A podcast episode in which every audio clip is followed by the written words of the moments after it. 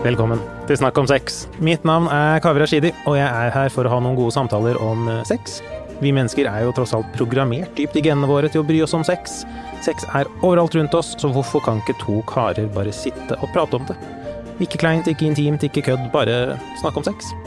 Hver uke tar jeg opp et nytt tema med en ny gjest, og enten du elsker eller hater sex, har for lite eller for mye sex, eller hvis du bare er sugen på litt fakta om sex, så er du på rett sted. Jeg så ekstreme mengder med pornografi. Ja. Altså ekstreme mengder. Ja. Jeg sier ikke at det var ekstrem pornografi, det var det ikke. Det var vanlig porno. Helt klassisk. Men det var veldig mye av det. Jeg liker veldig å studere personen og kroppsspråket dens og ytte, uttrykke den i meg under sex. Da vi prøvde å Da vi fant ut at vi skulle prøve å få barn, Mm. så Så fikk jeg den erfaringen at eh, det, sex ble plutselig litt sånn skummelt. Plutselig, plutselig fikk det konsekvenser, på en måte. Hvis du skjønner hva jeg mener. Ja, ja, ja. Uh, som, som gjorde at uh, det blir vanskelig å prestere, da. Ja. Ikke sant? Jeg pleier å si det sånn, sex er best når man har drikket såpass mye rødvin og man ikke skammer seg over den fingeren i rumpa.